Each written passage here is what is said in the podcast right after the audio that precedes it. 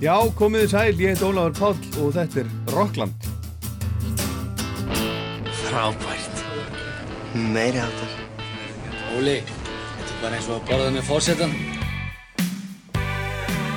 Það er ekki nema sangjant að helmingurinn af andvirði miðana verði greittur aftur. Sangjant er afstætt hugtak, Sigur. Er það ekki sangjant?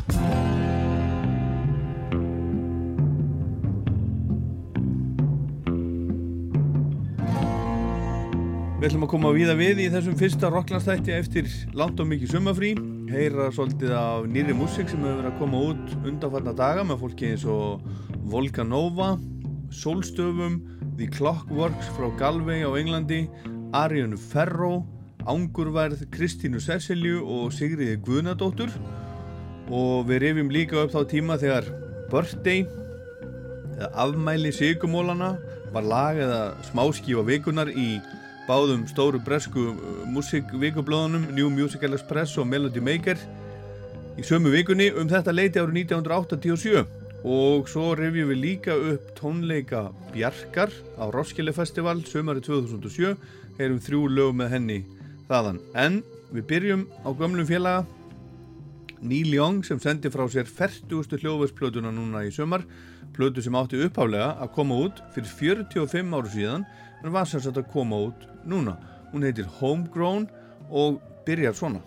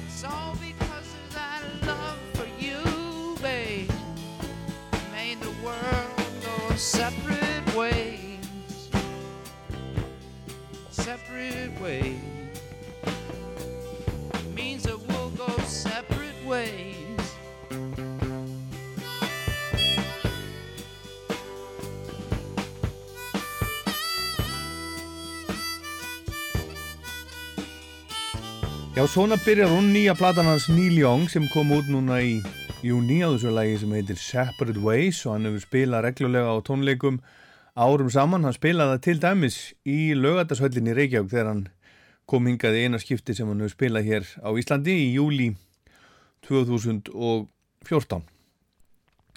En platan Homegrown er færtugasta platan að segja svo áður sæði, tekin upp á tímabilinu frá júni 1974 til janúar 75 og var tekin upp eftir að fymta soloplatanans On the Beach kom út og áður hann byrjaði að taka upp blötuna Suma 75 og mikið að gera á þessu tíma, hann var mjög, mjög duglegur, mjög afkasta mikill. En þegar Homegrown var tekin upp var Neil að skilja við þáverandi sambíliskonu sína, leikonuna Carrie Snodgrass og laugin eru mörg hver innblásin af skilnaði, þetta er svona skilnaða blues eins og til dæmis uppháðslægið Separate Ways sem var spilað hérna í Íslandi og þegar hann kom hinga þá var hann akkurat að, að skilja við, við konuna sína sem hafa búin að vera, vera giftur í meirinn 30 ár. Hann að Peggy Young. Og næsta lag sem við heyrum það er líka svona einhvers konar skilnaðar skilnaða blues, annar lagplötunar það heitir Try.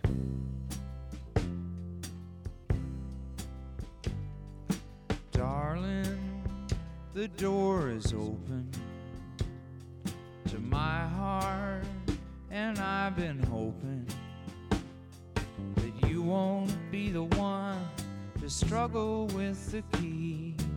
We got lots of time to get together if we try.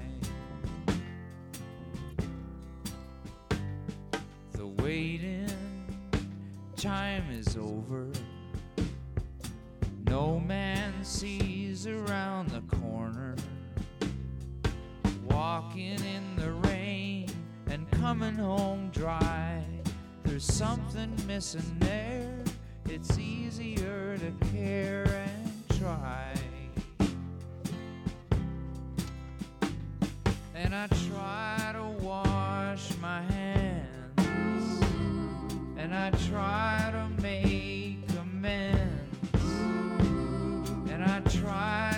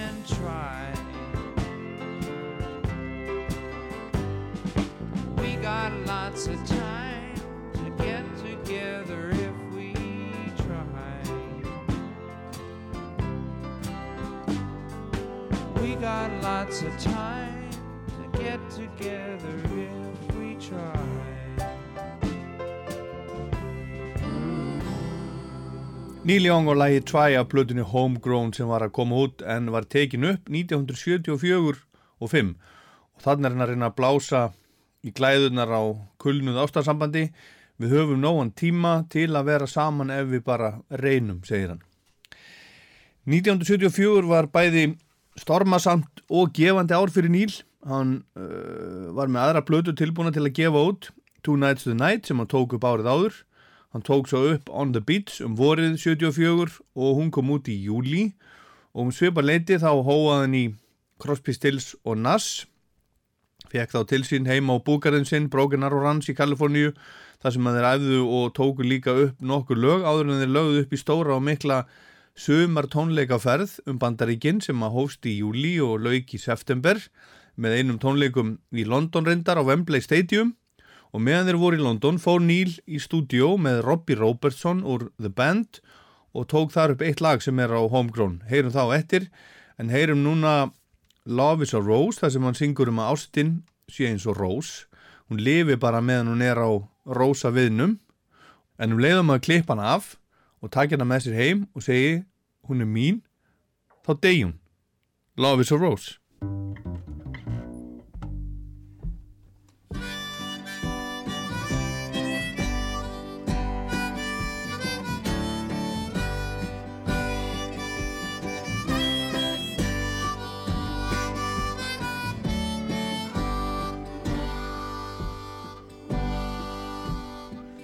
is a rose, but you better not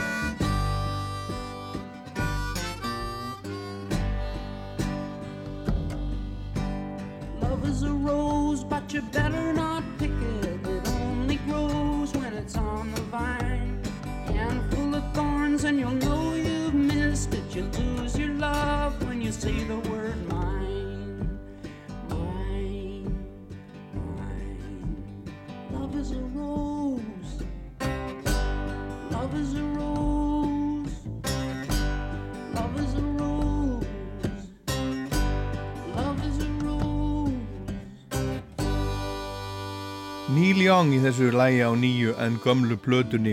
Homegrown, Love is a Rose You lose your love when you say the word mine. Neil hefur alltaf verið duglegu lagasmiður og árið 1974 þegar hann var að gera þessu Homegrown plötu og túra með Crosby, Stills, Nasa Young og hann gaf út plötuna On the Beach frumflutt hann 17 ný lög á tónleikum. Það var alltaf verið ófeimi við að spila ný lög lög sem enginn hefur, hefur heyrt.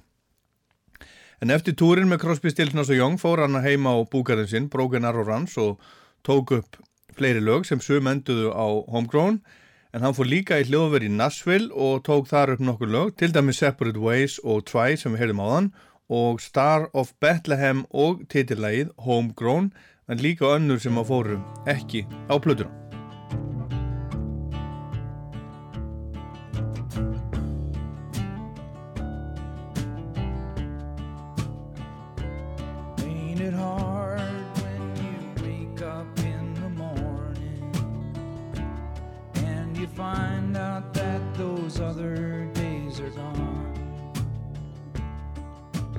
All you have is memories of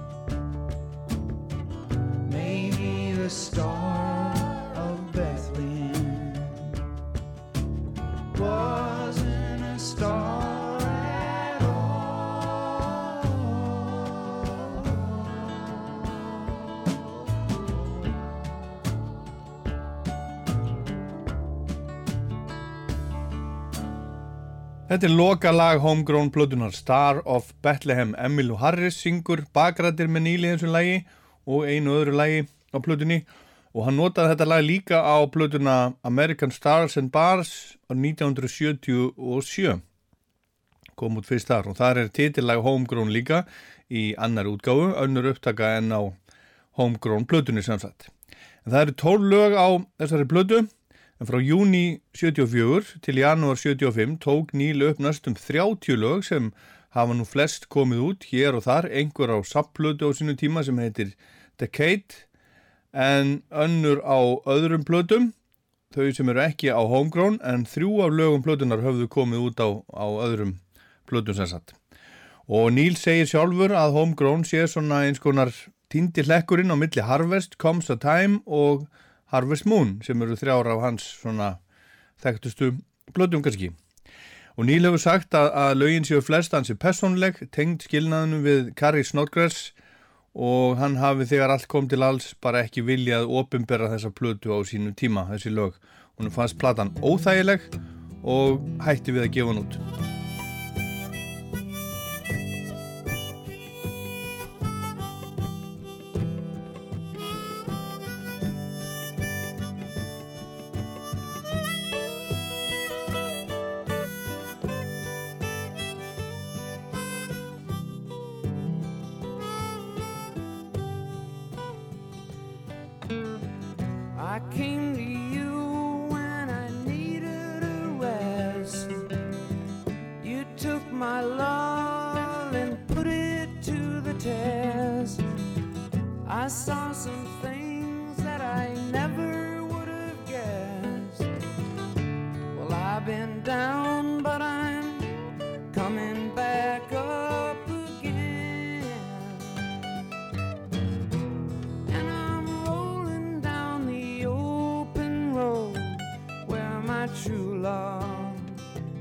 She lies waiting.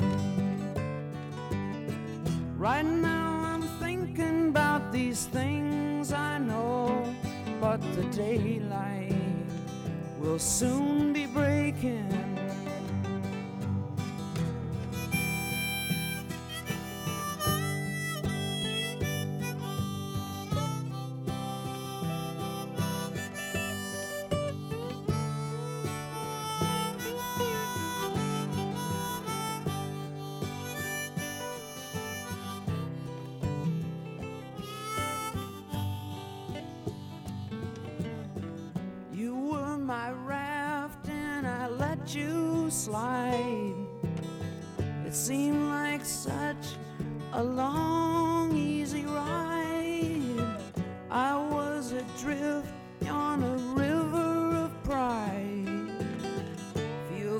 A railroad. I pull the whole load behind me. That old white line is a friend of mine, and it's good times that we've been making. Right now, I'm thinking about those things that I know, but the daylight will soon be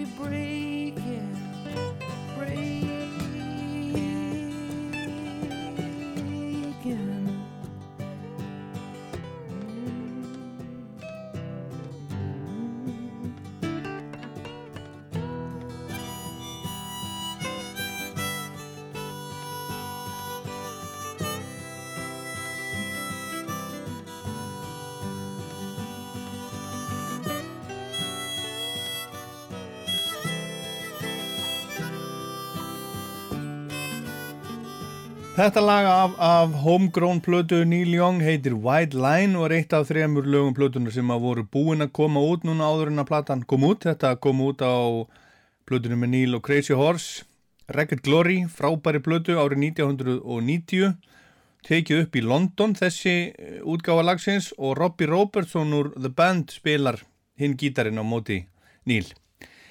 En platan þessi átti þess að koma út eins og það sagði árið 1975 og það var búið að gera umslag og allt var klárt búið að ræða lögunum upp og, og svona. En Níl átti líka aðra tilbúna blödu, Two Nights the Night og þegar hann hlustaði á þar báðar með vinnu sínum, sama kvöldið, hlustaði á báðar einu, þá ákvaði hann að gefa Two Nights the Night frekar út og setja hina í salt. Og í saltun er hún búin að liggja þanga til núna og hann hefur sagt sjálfur að uh, Homegrown sé svona mjög down plata, þunglindi, það er nú bara það sem að, það sem að honum finnst. Ég var fyrir smá vombriðu með hana þegar ég hlustaði á hana fyrst en hún hefur svo bara vannist vel og, og ég fann að kunna bara uh, vel við hana. Það er eitt mjög skrítið lag á henni ef að lagskildi kalla, það heitir Florida og er bara Níl og einhverjir, einhverjir fleiri að, að röfla í tæpar þrjár mínútur, hlustum smá. Let's go. Palm trees and shit, man. Okay. Palm trees and humid weather. It's like a town in Florida in the in the fifties, you know. I don't know. There's a lot of white buildings, and they were really white. I could see them. They were about seven or eight stories tall. All, all the people were walking around. They just looked so good, you know. They all had uh, blue dresses and nice pants on, you know. And they're, all of them are drinking pop from, you know, with straws in the bottles. Things were looking, you know, sun was shining so bright. The downtown looked incredible. I couldn't believe it. There was gliders flying around in the sky.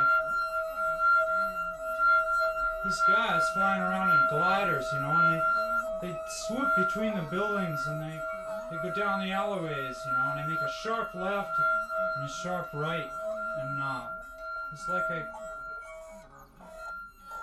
I Svona heldur Níl áfram að röfla eitthvað og þetta er nú sá hluti homegrown plötunar sem er hvað sístur. En maður sleppur þessu bara ef maður nennir ekki að hlusta á þetta þegar maður rennir plötun í gegn. Hann er 35 mínútur lengt platan og er auðvitað á Spotify og ég mæli með henni við alla aðdáfundur Níl Jóng að mista kosti. Þetta er fínasta plata og eins og hann segir sjálfur eins konar tíndur hlekkur milli Harvest Comes a Time og Harvest Moon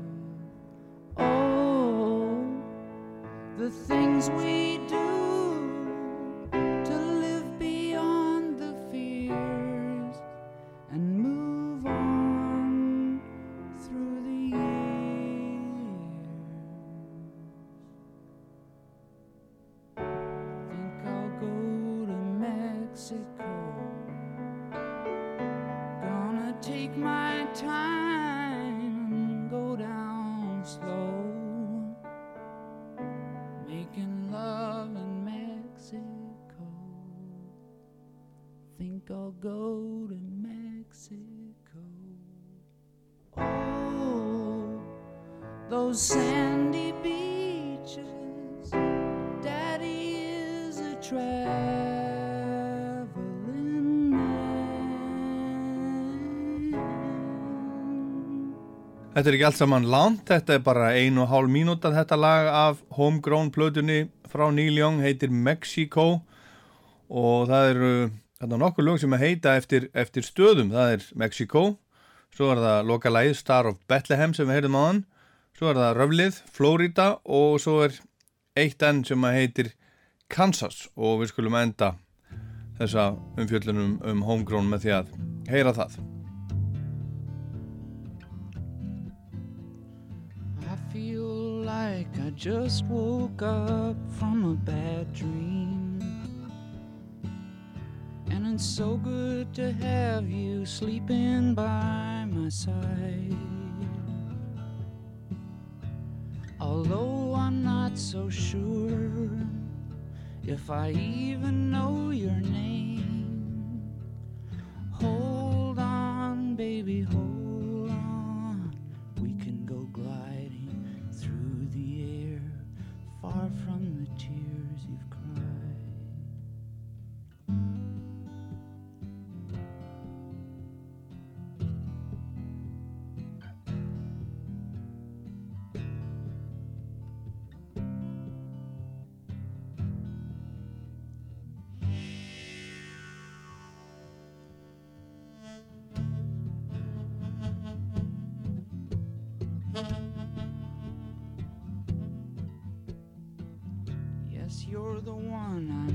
I'm talking to this morning.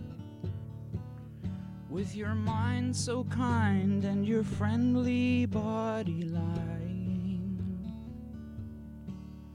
in my bungalow of stucco that the glory and success bought.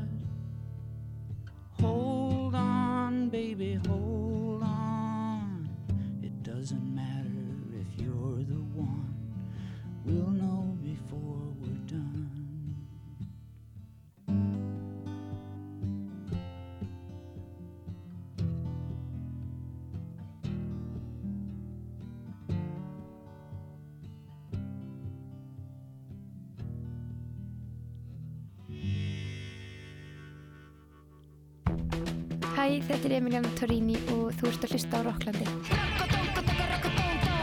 Akkurat, áfram heldur Rocklandi segjum þetta gott af Níl Jónga þessu sinni og gefum íslenskum tónlistarkonum aðeins orðið. Og byrjum hérna á ungri konu sem að heitir Ariana Ferro, hún hefur verið að semja lög frá því hún var lítistelpa, eða ung, ung kona mistakosti og hún var að senda frá sér lag sem ætla að spila hérna sem að heitir Blue Water tónlistamæðurinn eh, Karl Henry Kalli, hann tók lagið upp með henni og mixaði og, og uh, Arnar Guðjónsson lífsmaður og, og uh, varmlandmaður hann, hann uh, kom eitthvað með hendurnar setti, setti puttan eitthvað í þetta.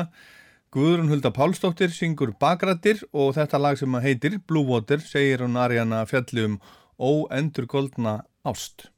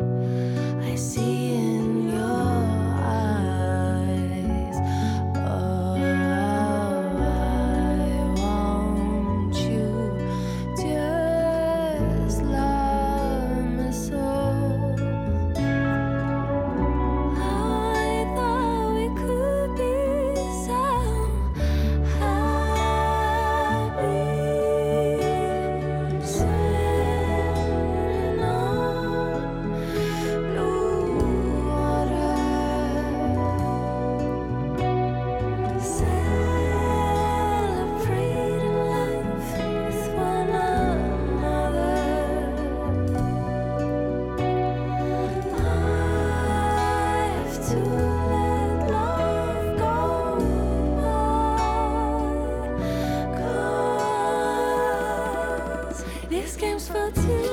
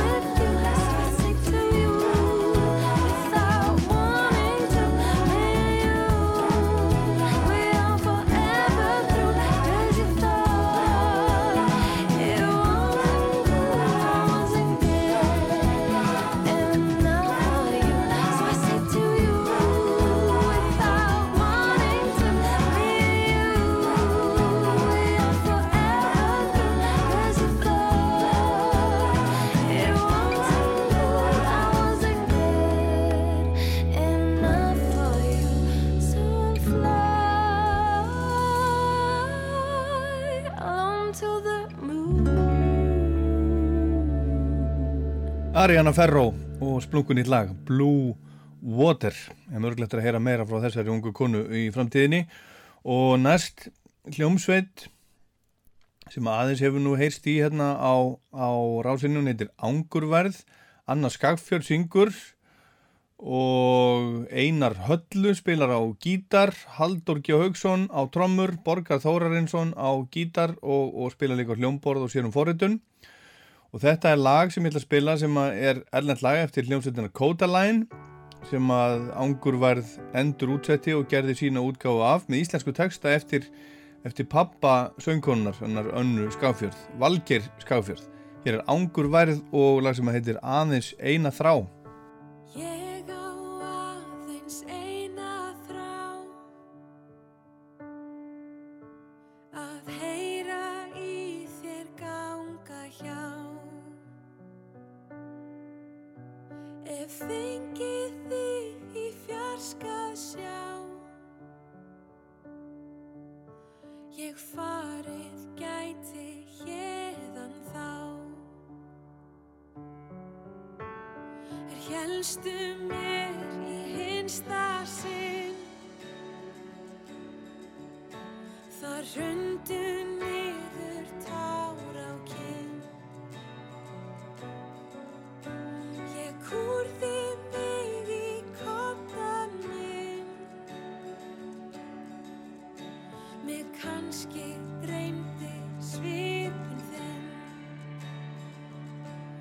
varst alltaf hjá mér. Því fórstu frá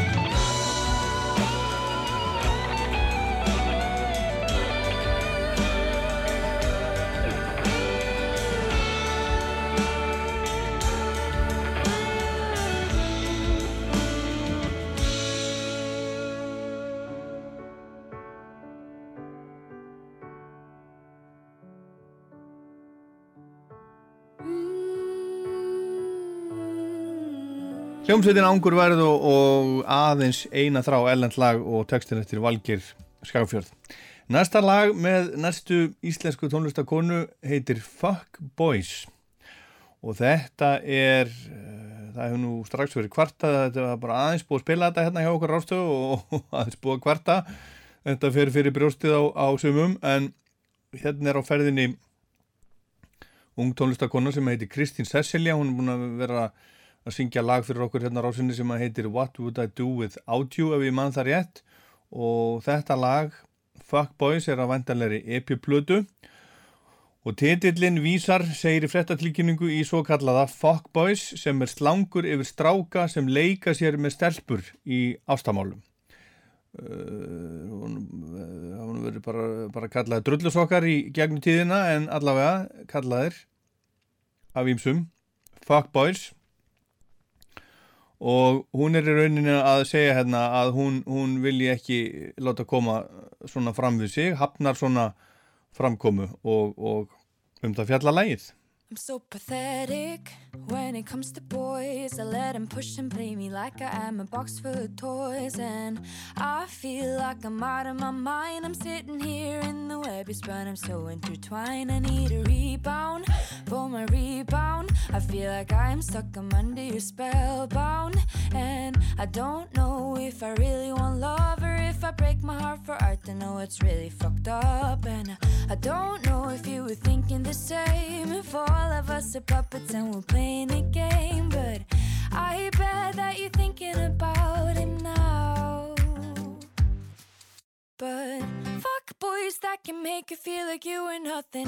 Fuck boys that hurt you and all you did was love him. And fuck you, fuck you for making me feel like I hate half of the population in this world. So I say, fuck boys that turn every you say against you. Fuck boys that make you want them even though they hurt you. And fuck you, fuck you, your fault. I'm insecure, but half the population in this little world. I'm so pathetic.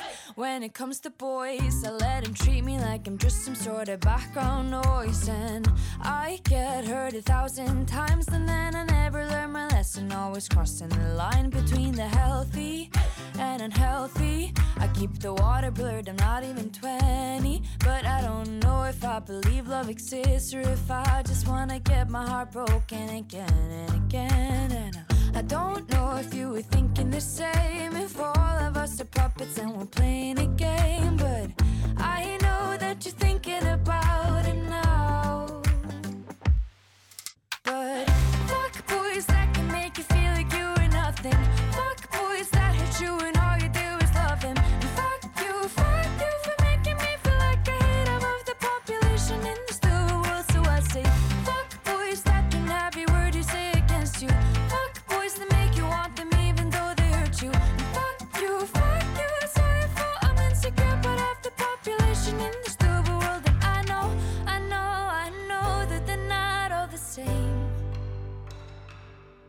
Yeah, I know, yeah, I know, yeah, I know that it's not right to blame. Oh, half the population for the act of one boy that made me run around him trying to bring him joy. I know, I know, I know. Can make you feel like you ain't nothing. Fuck boys that hurt you and all you do is love him. And fuck you, fuck you for making me feel like I hate of the population in this world. So I say, fuck boys that can make you feel like you ain't nothing. Fuck boys that hurt you and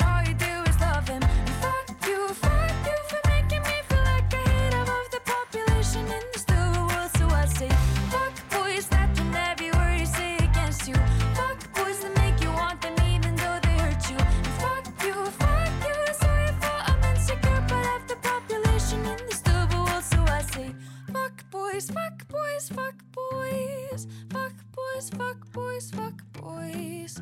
Fuck boys, fuck boys, fuck boys. Fuck boys, fuck boys, fuck boys Fuck boys, fuck you. Já, nefnilega. Kristín Cecilia Næsta söngurna sem við heyrum í hún er búin að vera aðeins lengur heldur en hún Kristín Cecilia hefur lifað. Hún lítið heist frá henni í, í, í mörg ár og svona hennar stærsta stund var þegar hún söng lægi Starlight með Jet Black Joe á sínum tíma. Sigriður Guðnadóttir er að fara að senda frá sér plötu núna 16. oktober og fyrsta lægi af plötunni komið út á, á Spotify, heitir Don't Cry For Me og hún ætlar að vera með útgáðutónleika í Bæjarbíu í Hafnarfyrði þegar platan kemur út búin að stopna síðu og Karolina Fund og þar getur fólk styrt verkefnið og fengið fyrstu diskana með á tónleika og, og, og eitthvað, eitthvað fleira en plataninnar var tekin upp í stúdíu Paradís í Reykjavík upptökustjóri Jói Ásmunds úr Messoforti og hann sá líka um útsetningar á samt Sigurgeri Sigmundsinni og Þóri Úlfarsinni og þeir sjá einni um að spila á blöðunni á bassa, gítar og, og piano og orgel. Og Birgir Nílsen spilar á trommur og, og Ásmundur Jóhansson líka. En Íris Guðmundsdóttir sér um útsetningu ratta og syngur rattir en Gretar Lárus Mattíasson syngur líka og Páll Rósinkrans hann syngur með Siggu í einu lægi og kemur fram á, á tónleikonum á samt fleiri, fleiri góðum söngurum, segir hún í fréttatilkynningu. En við skulum bara heyra þetta lag með henni Siggu Guðna sem heitir Don't Cry For Me.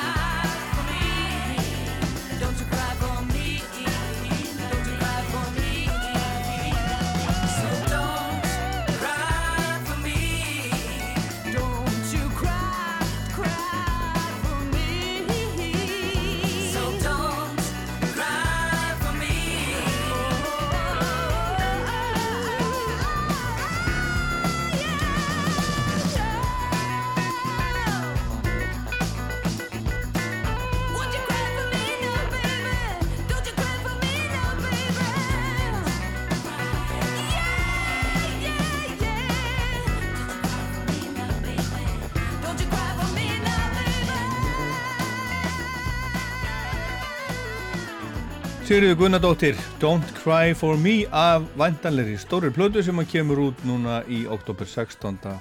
oktober.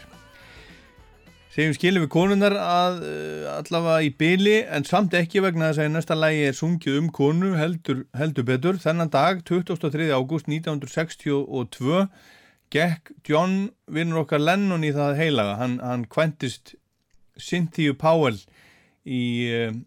Eh, bara hjá síslumanni í, í Liverpool og setnu kvöldið spilaði hann svo eh, í River Park Ballroom í Liverpool með bílánum. Hann samti mikið að lögum um, um konur og þó nokkuð mikið að lögum um Yoko Ono en það er svona, er ekki alveg, uh, menn er ekki alveg sammálum hvað hann samti mikið að lögum um hana Cynthia fyrstu konunum sína sem hann skildi við þegar hann, þegar hann kynntist Jóko. En þó er hérna eitt lag sem að menn er nokkuð sammálum það að hann sé að syngja til Cynthia, kom út eftir að bítlarnir voru, voru hættir og textin er svona I was dreaming of the past and my heart was beating fast. I began to lose control. I didn't mean to hurt you. I'm sorry that I made you cry. I didn't want to hurt you, I'm just a jealous guy. Við skulum heyra þetta, John Lennon og Jealous Guy, sem hann saga segir að hann hefði samið til Cynthia, hann er að hugsa hérna til Cynthia mörgum ára setna.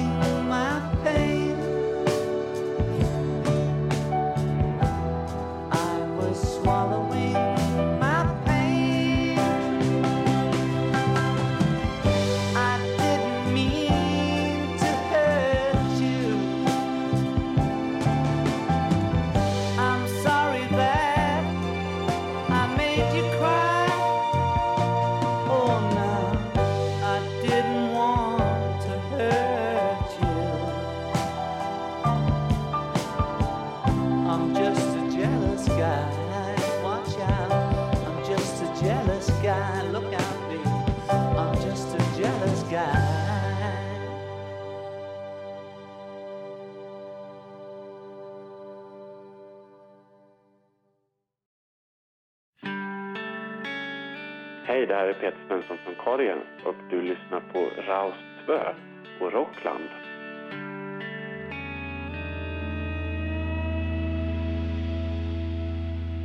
Já, þetta er Rockland á Rás 2 og næst skulum við bregða okkur rúm 30 ár aftur í tíman og heyra lægi sem var valið lag vikunar í báðum stóru bresku músík vikublóðunum í Englandi í þessari viku árið 1987 Birthday með Sigumólunum var lag eða smáski og vikunar bæði í New Musical Express og Melody Maker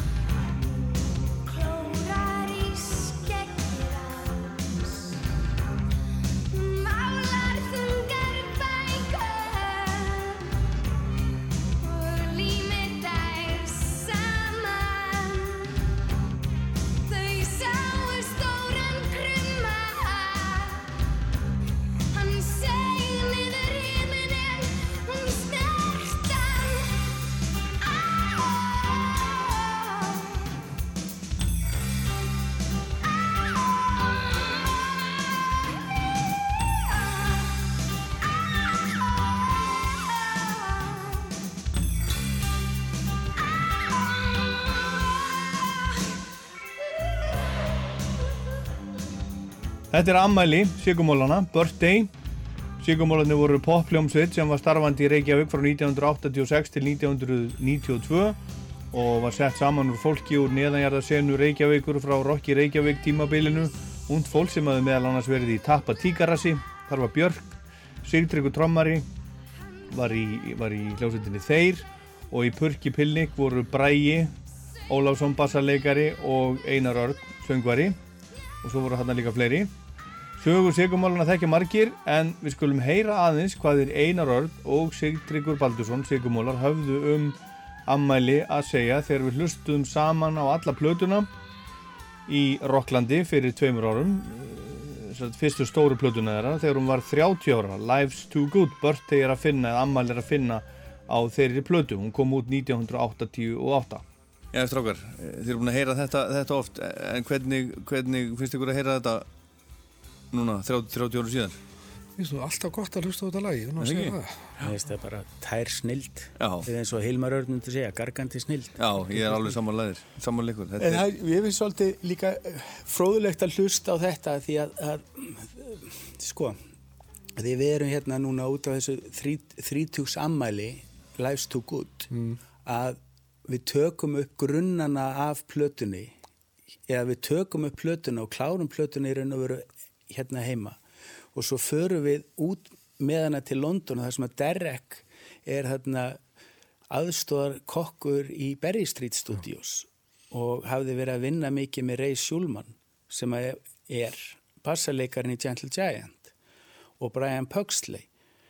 Og þeir byrja svona að hlusta á fjölrása teipin sem við vorum með og upp úr því að þá förum við að búa til ennsku útgáfuna á plötunni sem að að því að þeir skildi ekki íslensku, þeir fengu bara íslensku útgáfuna Mhm. og þeir skildu ekki hérna þetta og Derek sagði bara ég verði að skilja þetta ef ég á að gefa þetta út.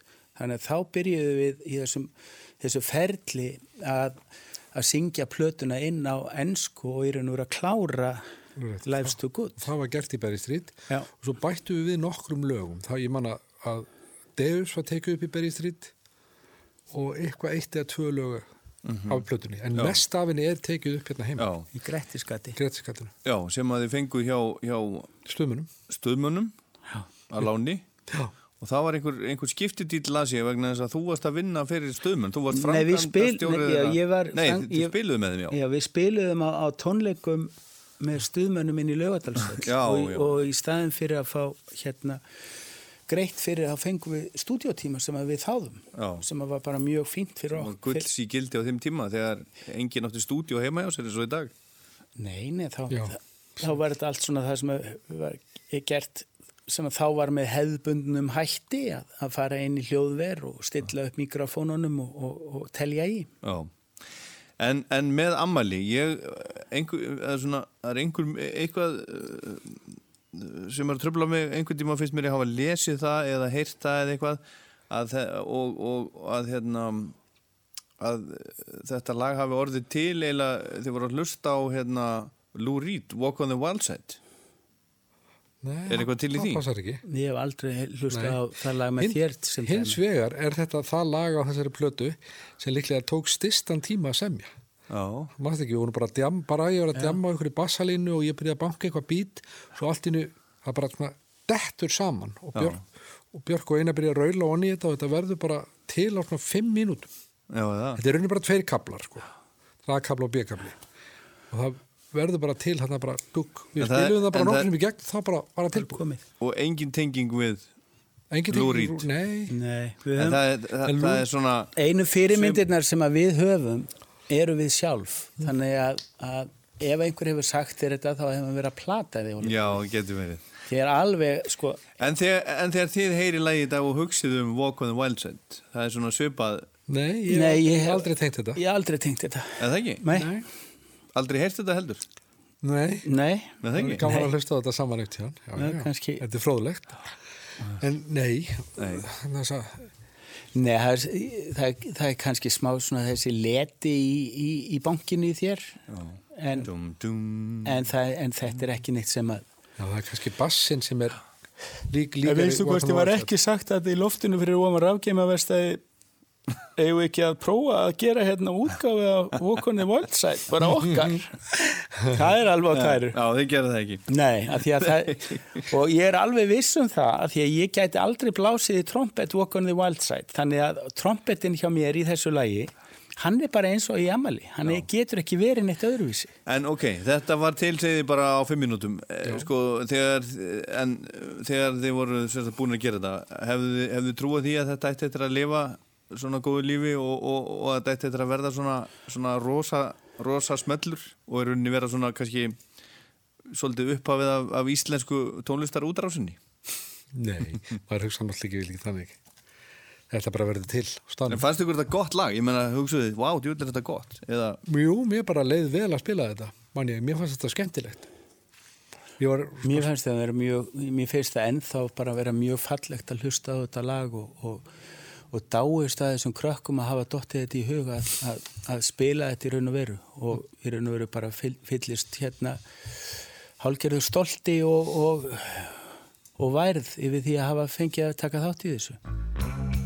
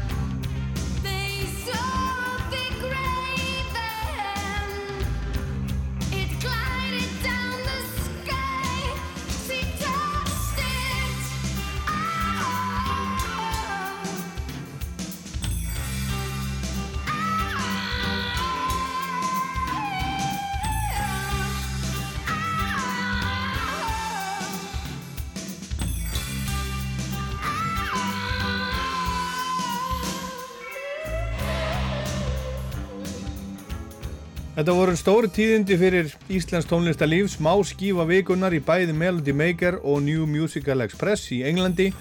Og þegar útvarsmaðurinn John Peel hjá BBC gerði upp tónlistar árið 1987 sett hann Birthday á toppin á sínum 50 laga áslista, besta lag ásins, sagði hann.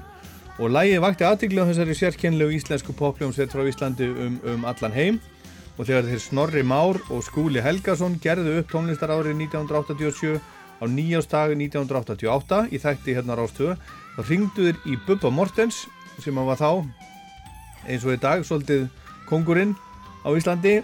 Hann sendi 1987 frá sér eina af mest seldu plötum ásins ef ekki bara þá mest seldu og eina af, af hans mest seldu plötum í sögunni plötuna Dögun. Bubbi, þú ert á línunni. Já. Þá var ég gaman að fá álititt á hvaða, hvaða pop-tíðindi, hvaða fréttir úr pop-heiminum á erlendum vettfangi árunni fannst þér, eða finnst þér minni staðis núna á áramótum? Það er jafnt á við innlendamarkaðin og erlendan, það er velgengni sigumólana og ég held að það séu ánæglustu tíðindin allavega úr erlendum popheimi. Ég bara er móttinn fyrir þeirra hönd og hérna þetta sýnir það sem að ég er alltaf að staklast á. Menn standa á sínu að þá uppskera þeir og hérna og það sem ég finnst kannski ennþá stórkostlega er það að, að, að ég þykist nú vita einar örn á mikla vinnu þarna baki og fleiri góði menn og hérna en það að þau hafa ekki þau hafa ekki sem sagt verið langtvölum erlendis haldur hafa þau skroppið út öðru kóru en þau hafa verið íðinn við að, að, að smíða það sem þú er að gera og það er að skila sér núna í þessu að sigumólarnir eru sennilega staðista nýjanafnið í erlendum popánálum allavega meiland Evrópu. Heldur að fi- finnst þér eins og þessi velgengni sigumólana að þetta gæti hleyft nýju lífi í íslenska rocktónlist? Haft áhrif á þá sem að aðri standa á markaðanum? Engin spurning, alveg, alveg tvímæla lögst og ekki bara með það að sigumólarnir koma til með að, að, að, að, hérna mögulega opna dyr fyrir aðra innlenda listamenn og eða, eða gera það að verkum að það verður sennilega hlustað meira á íslenska artista en hefur verið gert og það er fyrst og fremst þeim að þakka.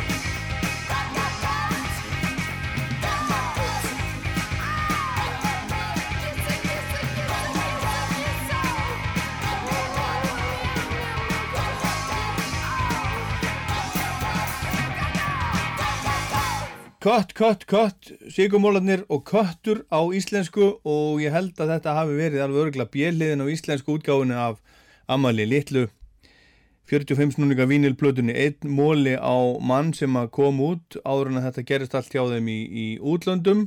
En þetta er allavega eitt af auka lögunum á fjögur að laga birthday diskinum sem er eitt fyrsti diskurinn sem að ég kefti og þetta á ég allt saman, allt saman ennþá. Þegar fekk þetta þegar þetta var splungu nýtt og geisladiskar voru, voru nýjir þarna er birthday og þarna er motocross og þarna er köttur á íslensku og, og ammæli á íslensku á þessum fjögur að laga diski en tónleikaserjan Björk Orkestral live from Reykjavík í Hörpu sem var nýlega færð hefur nú verið fresta til næsta ás og nýju dagsetningarnar eru 17. 24.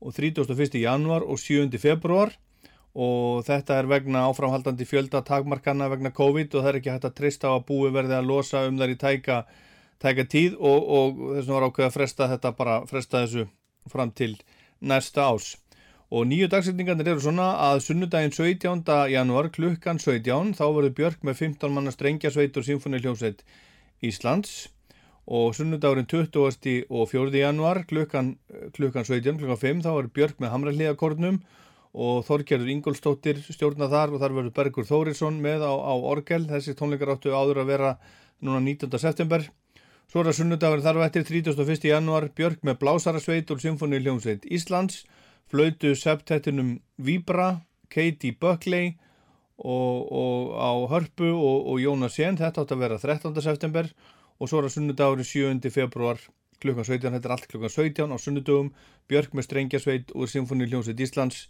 Stjórnandi Bjarni Fríman Bjarnason þetta átt að vera 28. september. Og allir miðar eru enn í gildi fyrir nýju dagsetningarnar og allir miðahafar hafa verið látni vita.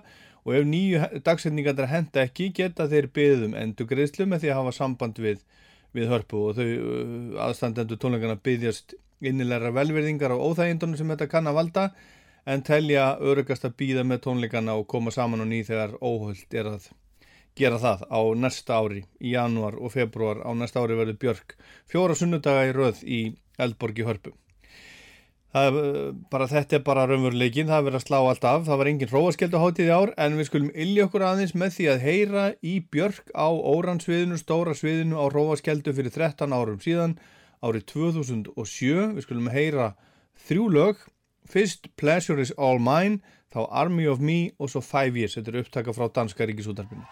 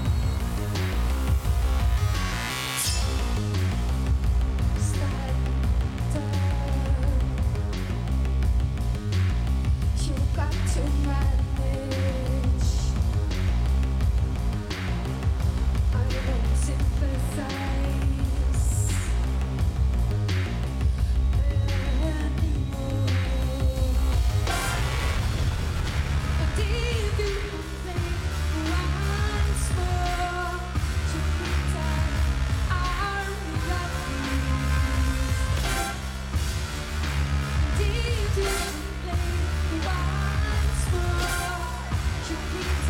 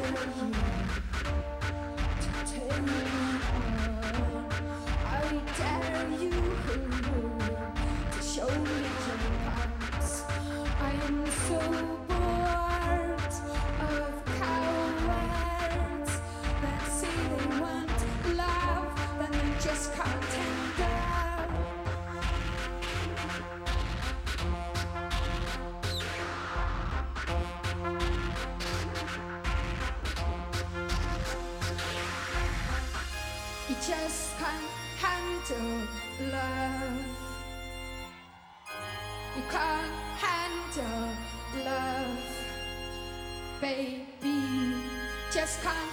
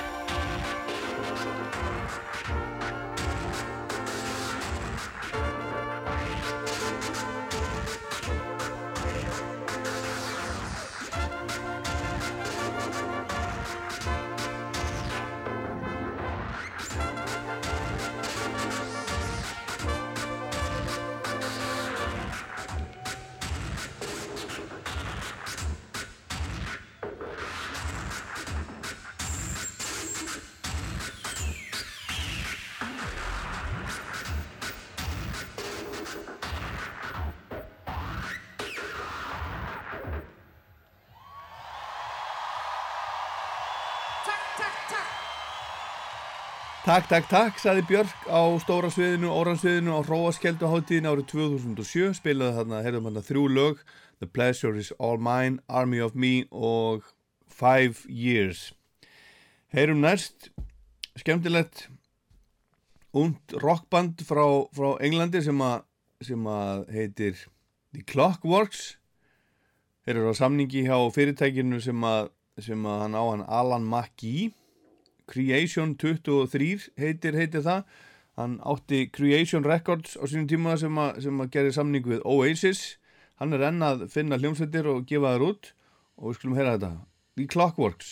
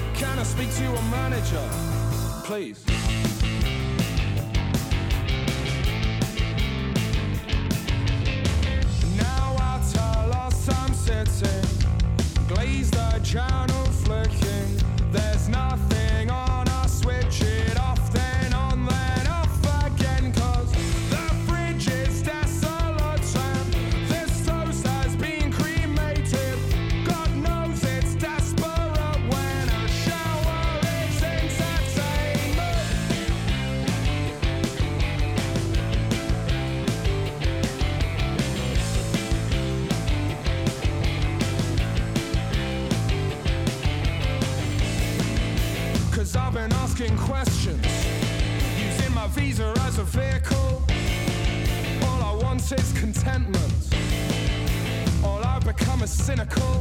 Can I speak to a manager, please? Can I speak to a manager, please? Can I speak to a manager, please? Can I speak to a manager? Can I speak to a manager, please? Can I speak to a manager, please? Can I speak to a manager, please? Uh, Can I speak to a manager?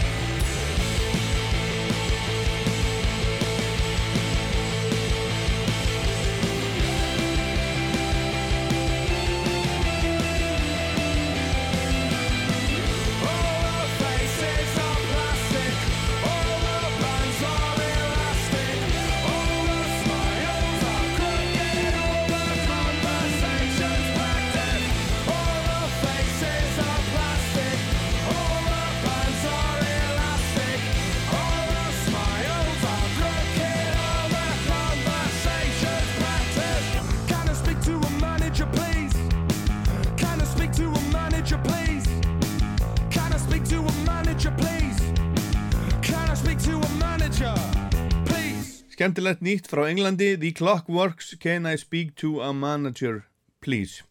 Og meira rock, aðeins öðruvísi rock íslenskt rock, I'm Off er, er uh, smáskífa eða lag af komandi plötu íslensku hljómsveitarinnar Volcanova, Radical Waves sem kemur út 21. ágúst á vegum sænsku plötu útgáfunar The Sign Records. Kom út núna bara í sömar þetta lag sem ég ætla að spila heitir I'm Off og sveitin ætlar að fagna útgáfu plötunar á Hard Rock 4. september næstkomandi ef allt gengur óskum og fá til liðs við sig Ella Grill og Blóðmur en heyrum hérna Volcanova I'm Off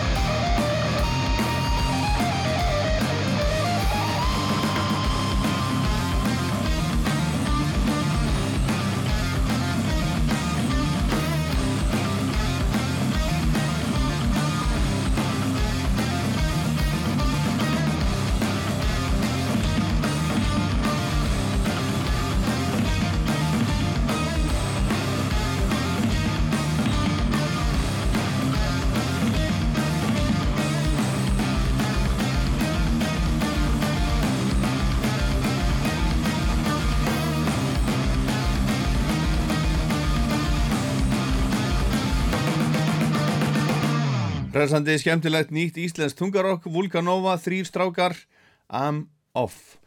Og við endum á svipum nótum vegna þess að ég ætla að enda þáttinn í dag á að spila nýja lægi frá Sólstöfum. Þeir voru að gefa út smá skífu innan gæsalappa líka.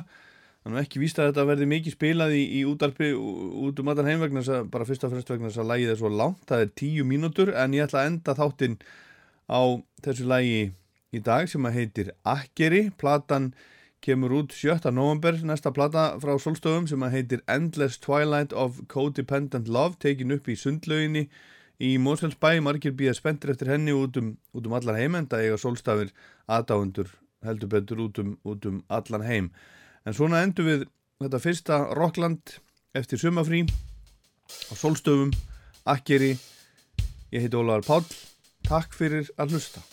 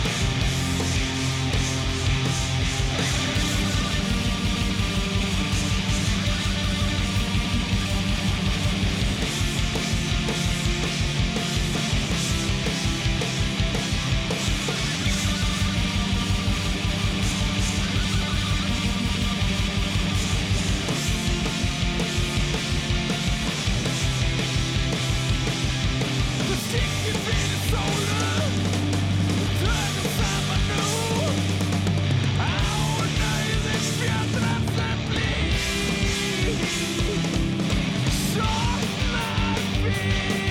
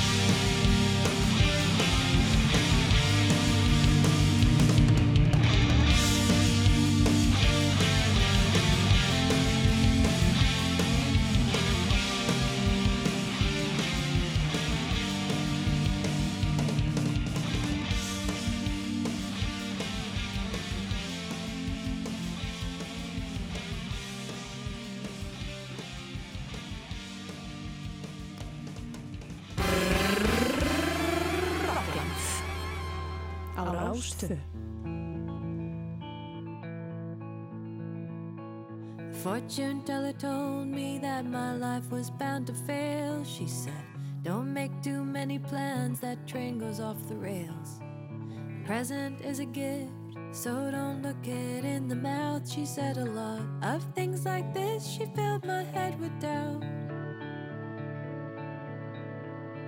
The fortune teller's name was Mary, and the things she told me were so scary, but in the end,